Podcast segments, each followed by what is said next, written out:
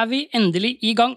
Hjertelig velkommen til verdenspremiere på denne spesialpodkasten der vi kobler sammen Bærepodden og Rekrutteringsrådet til en deilig felles crosspod. Jeg heter Håkon Sveen og skal forsøke å guide deg gjennom, og det gleder jeg meg stort til, for dagens tema det er eh, bærekraft i et rekrutteringsperspektiv. Og bærekraftig utvikling det er en av de virkelig store driverne i verdenssamfunnet i dag. Og nå er det også endelig i ferd med å få sin velfortjente plass i både offentlige ledermøter og private styrerom. Det påvirker alle, ikke minst rekrutteringsbransjen. For eh, stadig flere ser at det ikke lenger er nok å kun se sin egen virksomhet i et isolert perspektiv. Vi må også gjøre det vi kan for å gjøre verden til et litt bedre sted. Det kreves av en stadig mer opplyst befolkning. Det krever de ansatte. Det krever kunder. Det krever stadig flere lover og regler, og det krever ikke minst neste generasjons arbeidstakere når de skal velge sin arbeidsplass etter endt studietid. Og Summen av alt dette gjør at bærekraftig tankegang ikke lenger er et konkurransefortrinn, men en hygienefaktor som forventes alle steder. Så hvordan slår dette ut i et rekrutteringsperspektiv? Det skal vi snakke mer om i dag. Og vi har storfint besøk i studio. Peter Meyer, en av gründerne av rekrutteringsselskapet Meyer Haugen, og hodejeger for noen av de mest prestisjefylte stillingene i Norge. Og Inger Hilde Hillesund, medgründer og daglig leder i det verdidrevne konsulentselskapet Footstep AS. Eh, vi skal straks slippe til Peter og Inger Hilde, men eh, allerede, altså, først en liten innledning. Allerede på slutten av 80-tallet lagde Gro Harlem Brundtland og Brundtlandskommisjonen en definisjon på bærekraftig utvikling som fortsatt står seg den dag i dag. Og den går omtrent sånn. En bærekraftig utvikling er en utvikling som imøtekommer dagens behov, uten å ødelegge mulighetene for at kommende generasjoner skal få tilfredsstille sine behov. Og siden har FN kommet med 17 bærekraftsmål, som er verdens kart og kompass for en beboelig klode også i fremtiden. Det har tatt tid å få verden til å åpne øynene, men nå ser vi en bølge av bærekraftstankegang i nær sagt alle bransjer. Og aller først til deg, Petter. Du har lang erfaring med rekruttering av toppledere og nøkkelpersonell i norsk næringsliv. Hvordan har du merket at etterspørselen etter bærekraftskompetanse har endret seg de siste årene? Jo, først eh, Håkon, først må jeg bare si tusen takk for å bli med i podkasten deres. Jeg er jo en ivrig lytter, og jeg må bare si at dere er jo en uh, eh, podkast som på en måte har vært uh, satt standarden for dette inn med bærekraft. Da. Så uh, tusen takk for det. Uh, til, til, spørsmålet ditt, hva skal jeg si? Bærekraft innen rekruttering det har kommet de siste par årene. jeg husker, eller for å si sånn, jeg har jobbet med rekruttering da, i over 20 år. og ja, For bare noen få år siden så var det ingen som nevnte bærekraft som noe bærende i en stilling eller rekruttering.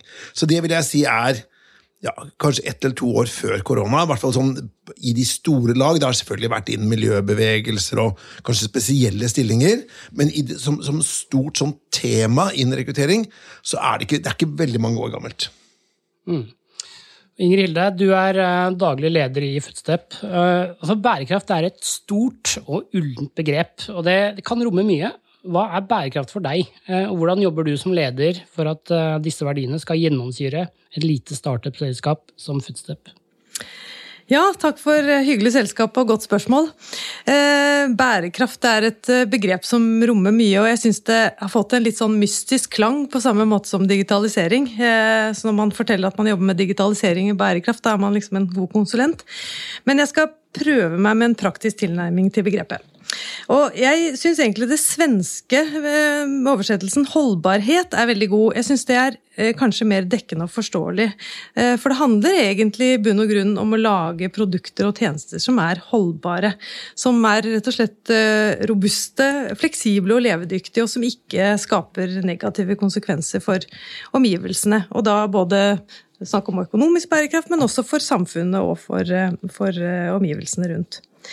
Så eh, ellers så er jeg opptatt av eh, å tenke på bærekraft som et mindset. Altså, hvordan er det vi som virksomhet kan se oss selv utenfra og stille spørsmålet hvordan kan vi levere våre produkter og tjenester på en mer bærekraftig måte? Og det handler jo om alt man gjør av å sette fotavtrykk, og det vil jo selvfølgelig variere fra virksomhet til virksomhet hva man driver med, på hvilken måte man kan tilnærme seg bærekraft.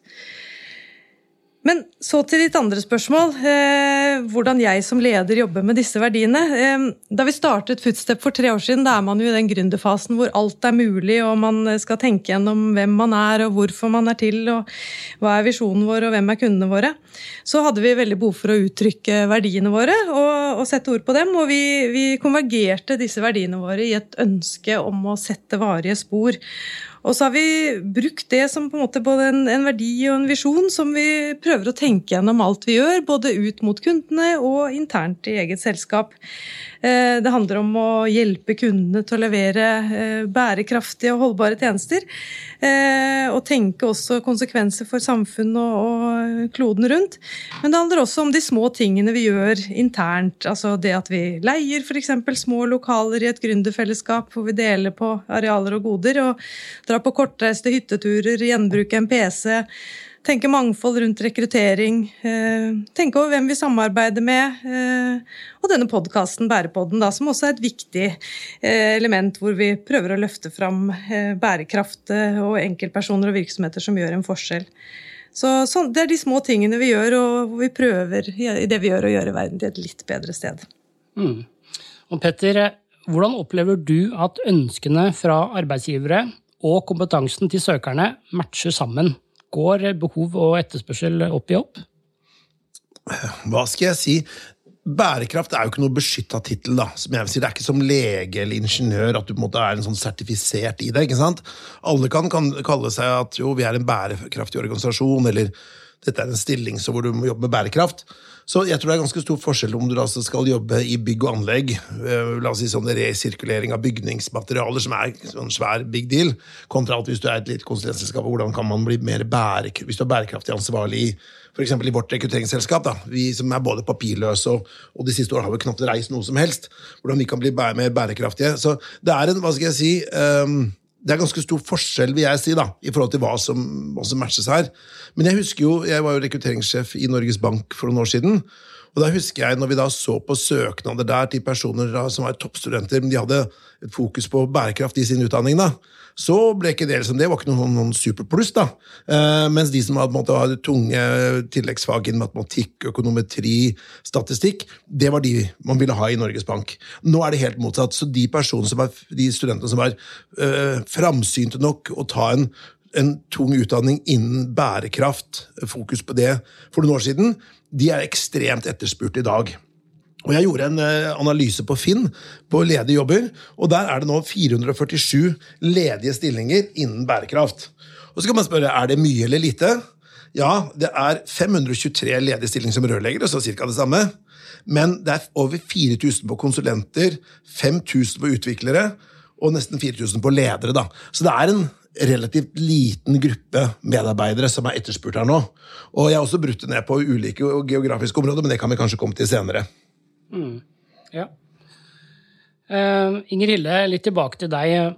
Stadig flere ser behovet og nødvendigheten av å tenke bærekraftig, men, men, kanskje er den reelle forståelsen og innsikten rundt bærekraft eh, litt der digitalisering var for, var for noen år tilbake, der, liksom der man satte strøm på, på papirskjemaer og opprettet egen digitaliseringsavdeling. Men eh, et bærekraftig mindset det er jo i likhet med digitalisering noe som treffer midt i hjertet av virksomheten og påvirker hele organisasjonen til å se forretningsmodellen sin med litt nye briller. Og Footstep er jo et selskap som har digitalisering og bærekraft helt inne i visjonen. Og nå ser vi at eh, denne typen etterspørsel øker. Hvordan eh, ser det ut fra ditt ståsted? Ja, Her er det jo veldig store forskjeller mellom virksomheter og bransjer i forhold til både bevissthet og hvor langt man er kommet, og, og hva man etterspør.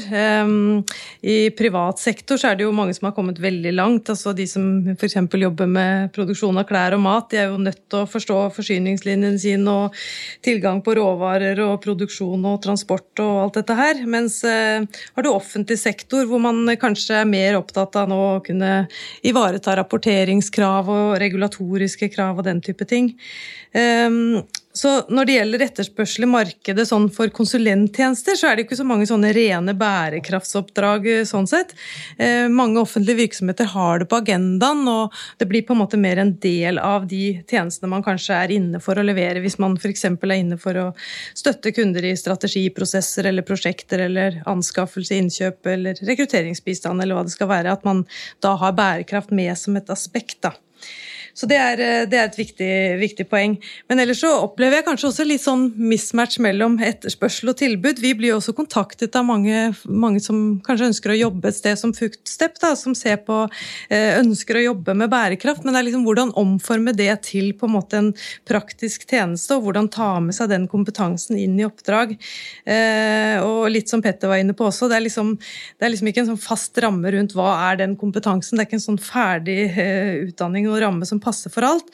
Så jeg har i hvert fall tenkt at bærekraft ikke er en sånn avgrenset spesialitet som kan læres og kopieres inn i alle virksomheter, men, men mer et sånn slags rammeverk og noen knagger da, som hjelper en til å forstå no, noen sentrale elementer som man kan tilnærme seg inn i ulike virksomheter med. Da.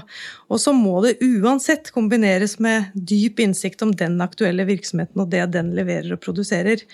Så, så litt som alt annet så har jeg tro på at her trenger man fagfolk med ulike spesialiteter og kompetanse som setter seg sammen og jobber fram kloke tiltak, og jobber sammen med, med folk som har inngående forretningskompetanse, og, og, på en måte ta med seg bærekraftsperspektivet inn. Da. Så, så det, er, det, er, noe med å eh, det, det, er kanskje den nøtten der som er litt vanskelig å knekke. Men eh, som sagt, jeg har tro på at man eh, jobber sammen på tvers, og det er jo sånn kanskje fremtidens kompetanse mer og mer blir også.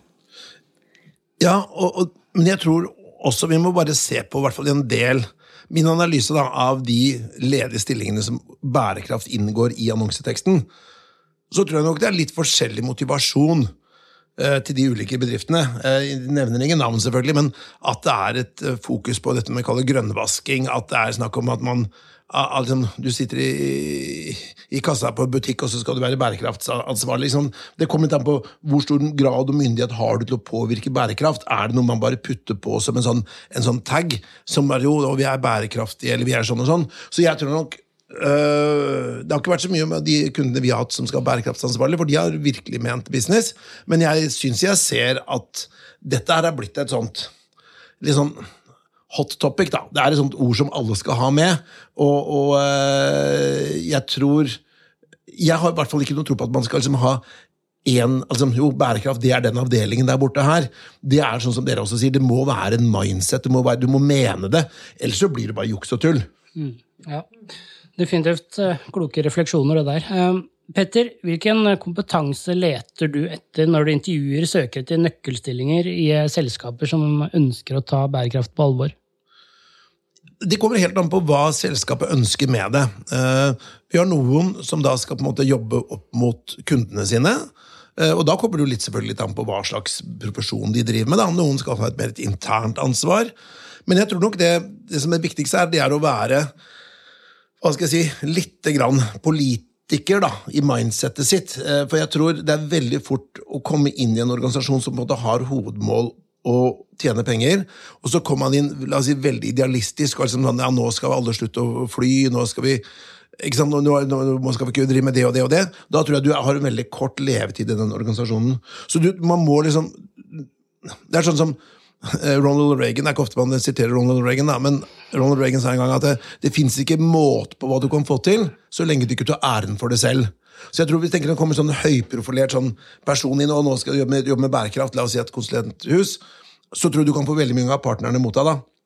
Jeg tror du må liksom jobbe gjennom dem, at de kommer på det selv. At, de, at du har systemer og rutiner som, som fremmer bærekraft, istedenfor at man skal ha en sånn person som kommer inn veldig høy og mørk og skal liksom sånn belære folk om bærekraft, nærmest ut fra sånn moralitet. da.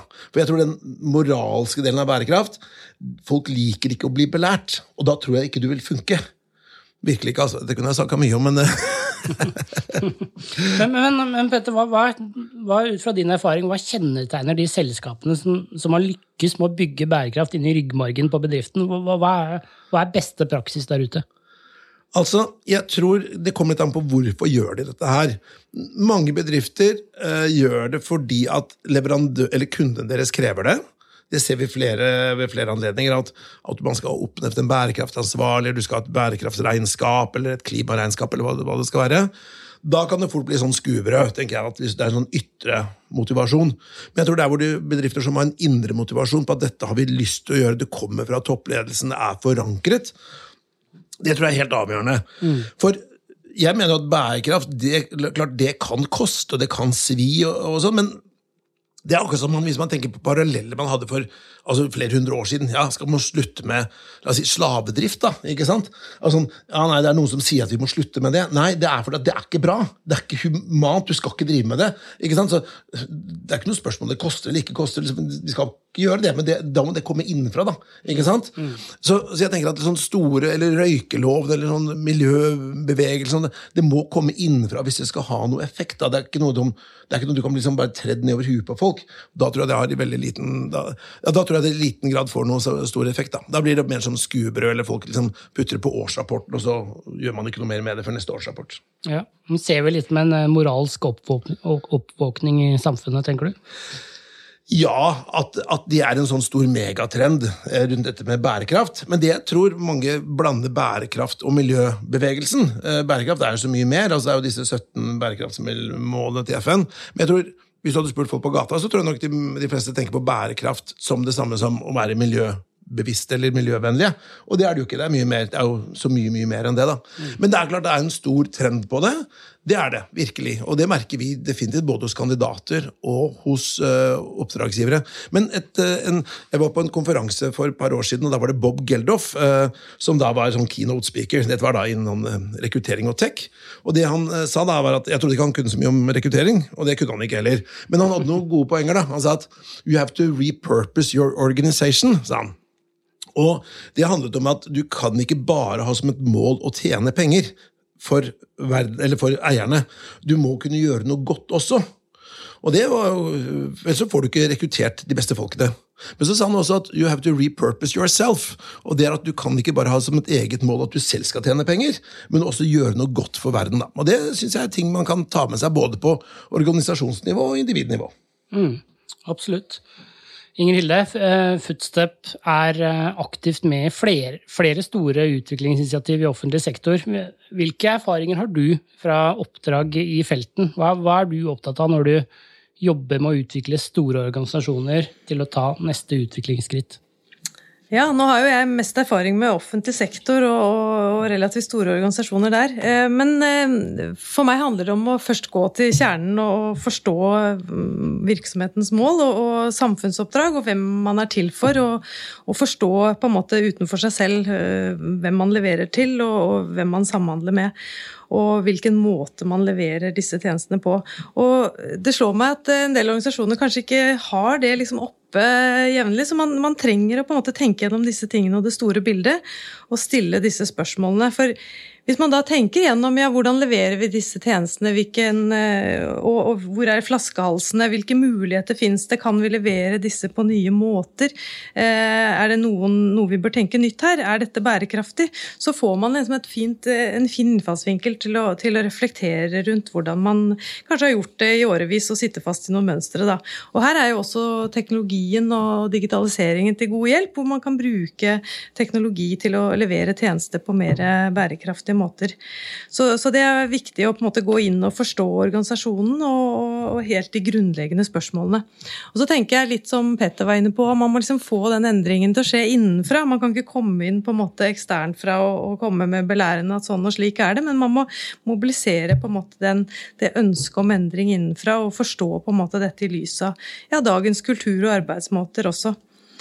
Så, så, det tenker jeg er eh, viktig. Og så tenker jeg at noe av det også kommer eh, av seg selv gjennom på en måte disse nye eh, kravene fra omverdenen. Og man blir jo altså både borgere og brukere og samfunn og sånn har jo dette mye opp på agendaen.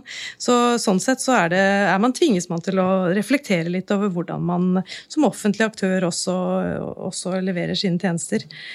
Men jeg tenker at man behøver ikke å gjøre det så komplisert heller. Man kan liksom gå og se på eh, noen sentrale områder i virksomheten, og da er det tro på å se på hele virksomheten. Både er det områder vi er store innkjøpere på, eh, hvor vi f.eks. kjøper inn eh, materiell utstyr, hvor vi kan tenke litt nytt og kanskje mer bærekraftige produkter. Har denne virksomheten mye transport, f.eks.? Kan vi transportere på nye måter? Har vi store eiendommer som vi kanskje strengt tatt ikke trenger? Eh, kan vi gjenbruke noe utstyr eller eiendom? Kan vi kaste mindre mat? Altså det er alle de spørsmålene som man kan tenke gjennom, eller bli bedre på rekruttering og mangfold. Så det å ta litt sånn avsjekk i på en måte alle delene av virksomheten og prioritere de områdene som smerter mest og som har størst potensial, det, det har jeg tro på. Og det vil på en måte kunne bidra til mer bærekraftige tjenester fra offentlig sektor. Og mange jobber jo eh, også systematisk med det. Men det som slår meg litt, er jo Det ble nevnt her dette med tjenesteregnskap. altså Mange offentlige virksomheter har, har også begrenset innsikt og overblikk over tjenestene sine og hvilke ressurser og innsats man bruker for å levere tjenestene. Og det tenker jeg er noe som stadig kommer mer på dagsorden også, og som handler egentlig om økonomisk bærekraftighet. At man eh, bruker riktig med ressurser og prioriterer ressursene på en god måte i offentlig tjenesteyting. da. Mm. Og gjennom eh, mer enn 20 episoder som eh, programleder i Bærepodden, så har jeg sett veldig tydelig hvordan mange smarte mennesker de siste årene har egentlig tatt et verdivalg og byttet bransje for å ta en mer aktiv del i det grønne skiftet. og i tillegg så virker det å være en, en, tydelig trend over store deler av verden at neste generasjon ikke tolererer hvordan dagens politikere og næringsliv forvalter naturressursene våre. Og det tror jeg kommer til å påvirke både stemmer og salgstall fremover. Og Peter, da har jeg egentlig lyst til å spørre deg, er du enig i den vurderingen? Og, og, hvilken forskjell i verdigrunnlag merker du eventuelt når du intervjuer de som er midt i livet, kontra de som kommer rett ut fra skolebenken? Ja, det er et godt spørsmål. Ehm, jeg sitter ikke på noe fasitsvar der. Eh, at en ny generasjon er mer opptatt av bærekraft enn tidligere generasjoner? Kanskje. Eh, jeg syns det er litt betegnende når du har store sånn ungdomsfester på Sankthanshaugen her i Oslo, og så ser du flyter med søppel og engangsplast og sånn etterpå. Så jeg vet ikke. Er det, er det, er det så stor forskjell? Altså, sånn, jeg, altså, jeg, tror fort man kan bli litt sånn at, at min generasjon, jeg er født på 70-tallet, at vår generasjon var sånn, og så har du de som er født på la oss si 2000-tallet eh, er sånn. Jeg tror det er litt mer komplekst enn som så. Men vi merker at det er en stor forskjell Eller at det er en forskjell i forhold til de vi rekrutterer som er yngre, at de er mer opptatt av, av hva skal jeg si, what's in it for me. da.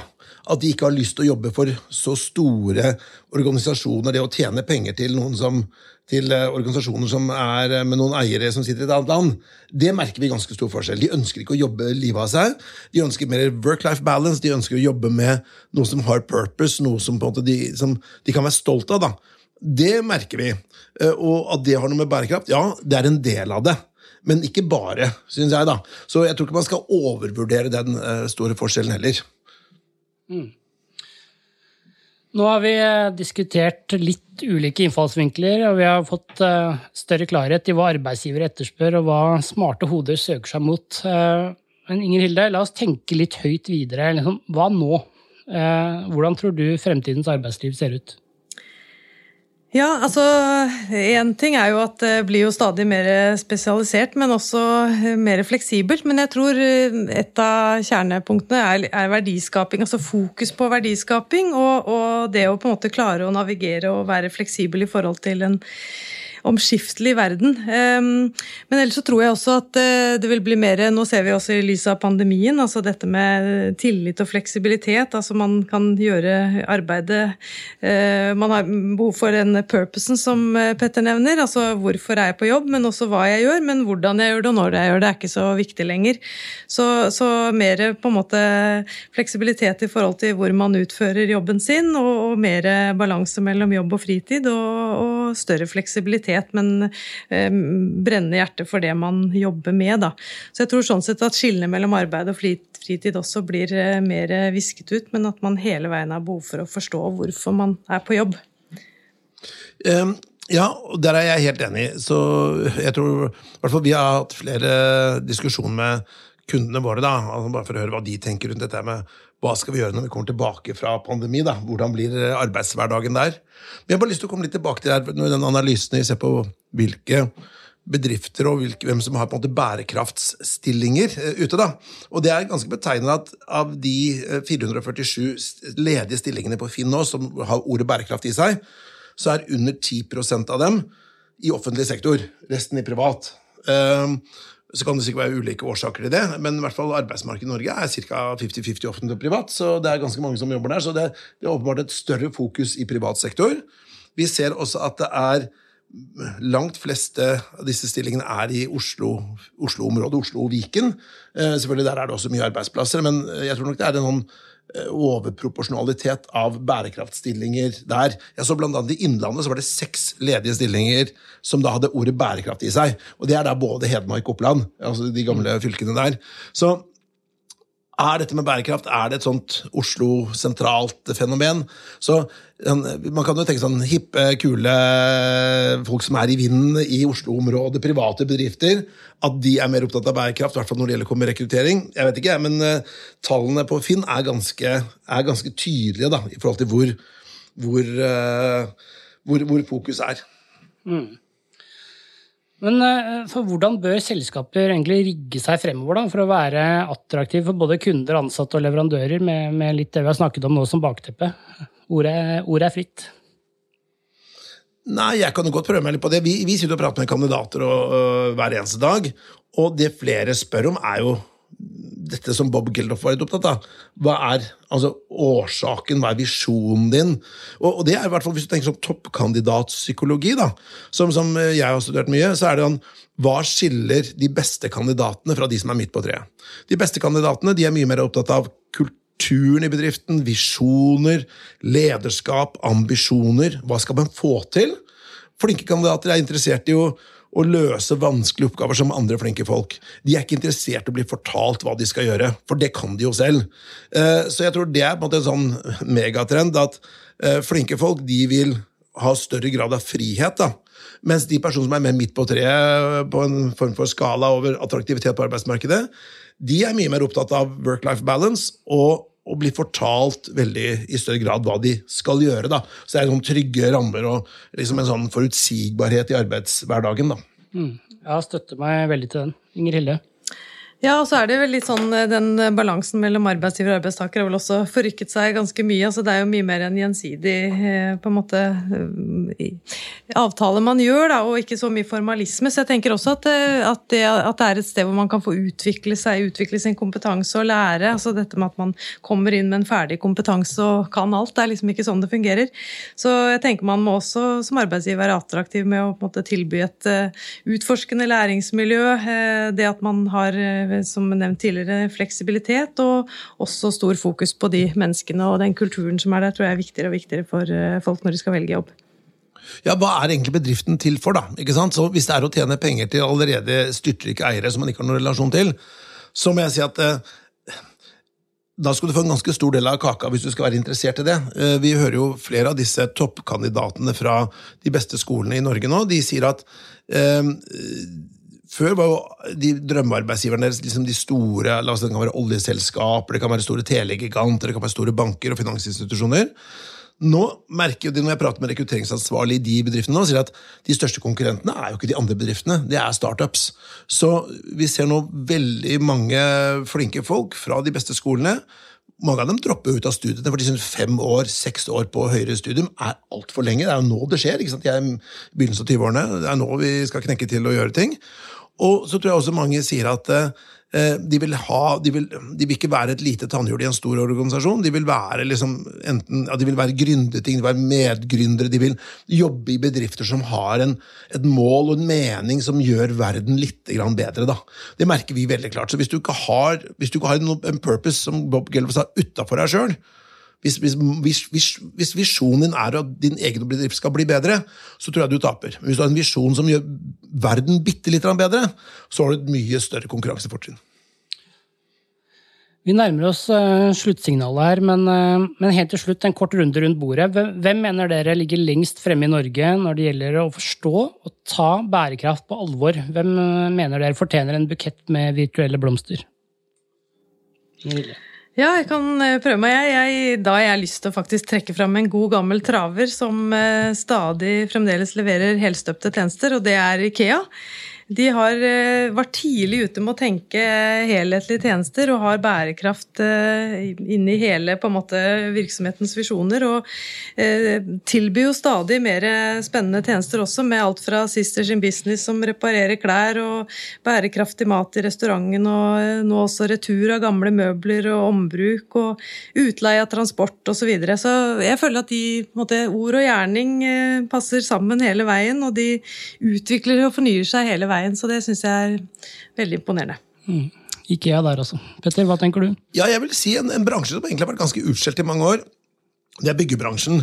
De har virkelig tatt inn over seg dette her med hva skal vi si, resirkulering av materiale, det å transportere på en bedre måte bygge grønt, bygge klimanøytralt. Så jeg har lyst til å trekke fram et selskap som heter HRP. De jobber da veldig tungt med bærekraft, og en egen bærekraftsansvarlig som heter Lena Sagen. Eh, og må, må si at eh, de uh, har gjort en kjempejobb. Så det går både til HRP og til byggebransjen generelt. Dagens blomster til Ikea og HRP, HRP der altså. Da skal vi gå inn for landing her fra podkaststudio i vakre Oslo sentrum. Vi har hørt ekspertpanelet med Petter Meyer og Inger Hilde Lillesund ta for seg hvilken rolle bærekraft har i rekrutteringssammenheng, hva arbeidsgivere er på jakt etter, og hva kloke hoder søker seg imot i jakten på meningsfulle arbeidsoppgaver. Det har vært både inspirerende og lærerikt, og trenden den synes å være ganske klar. Bærekraftig utvikling eh, har kommet for å bli, og de som ikke tar dette på alvor, eh, risikerer å stå igjen på perrongen når eh, samfunnstoget kjører av sted. Tusen takk til dere, Petter og Ingrilde, og tusen takk til deg som hørte på. Ta godt vare på hverandre, og ha en nydelig dag videre.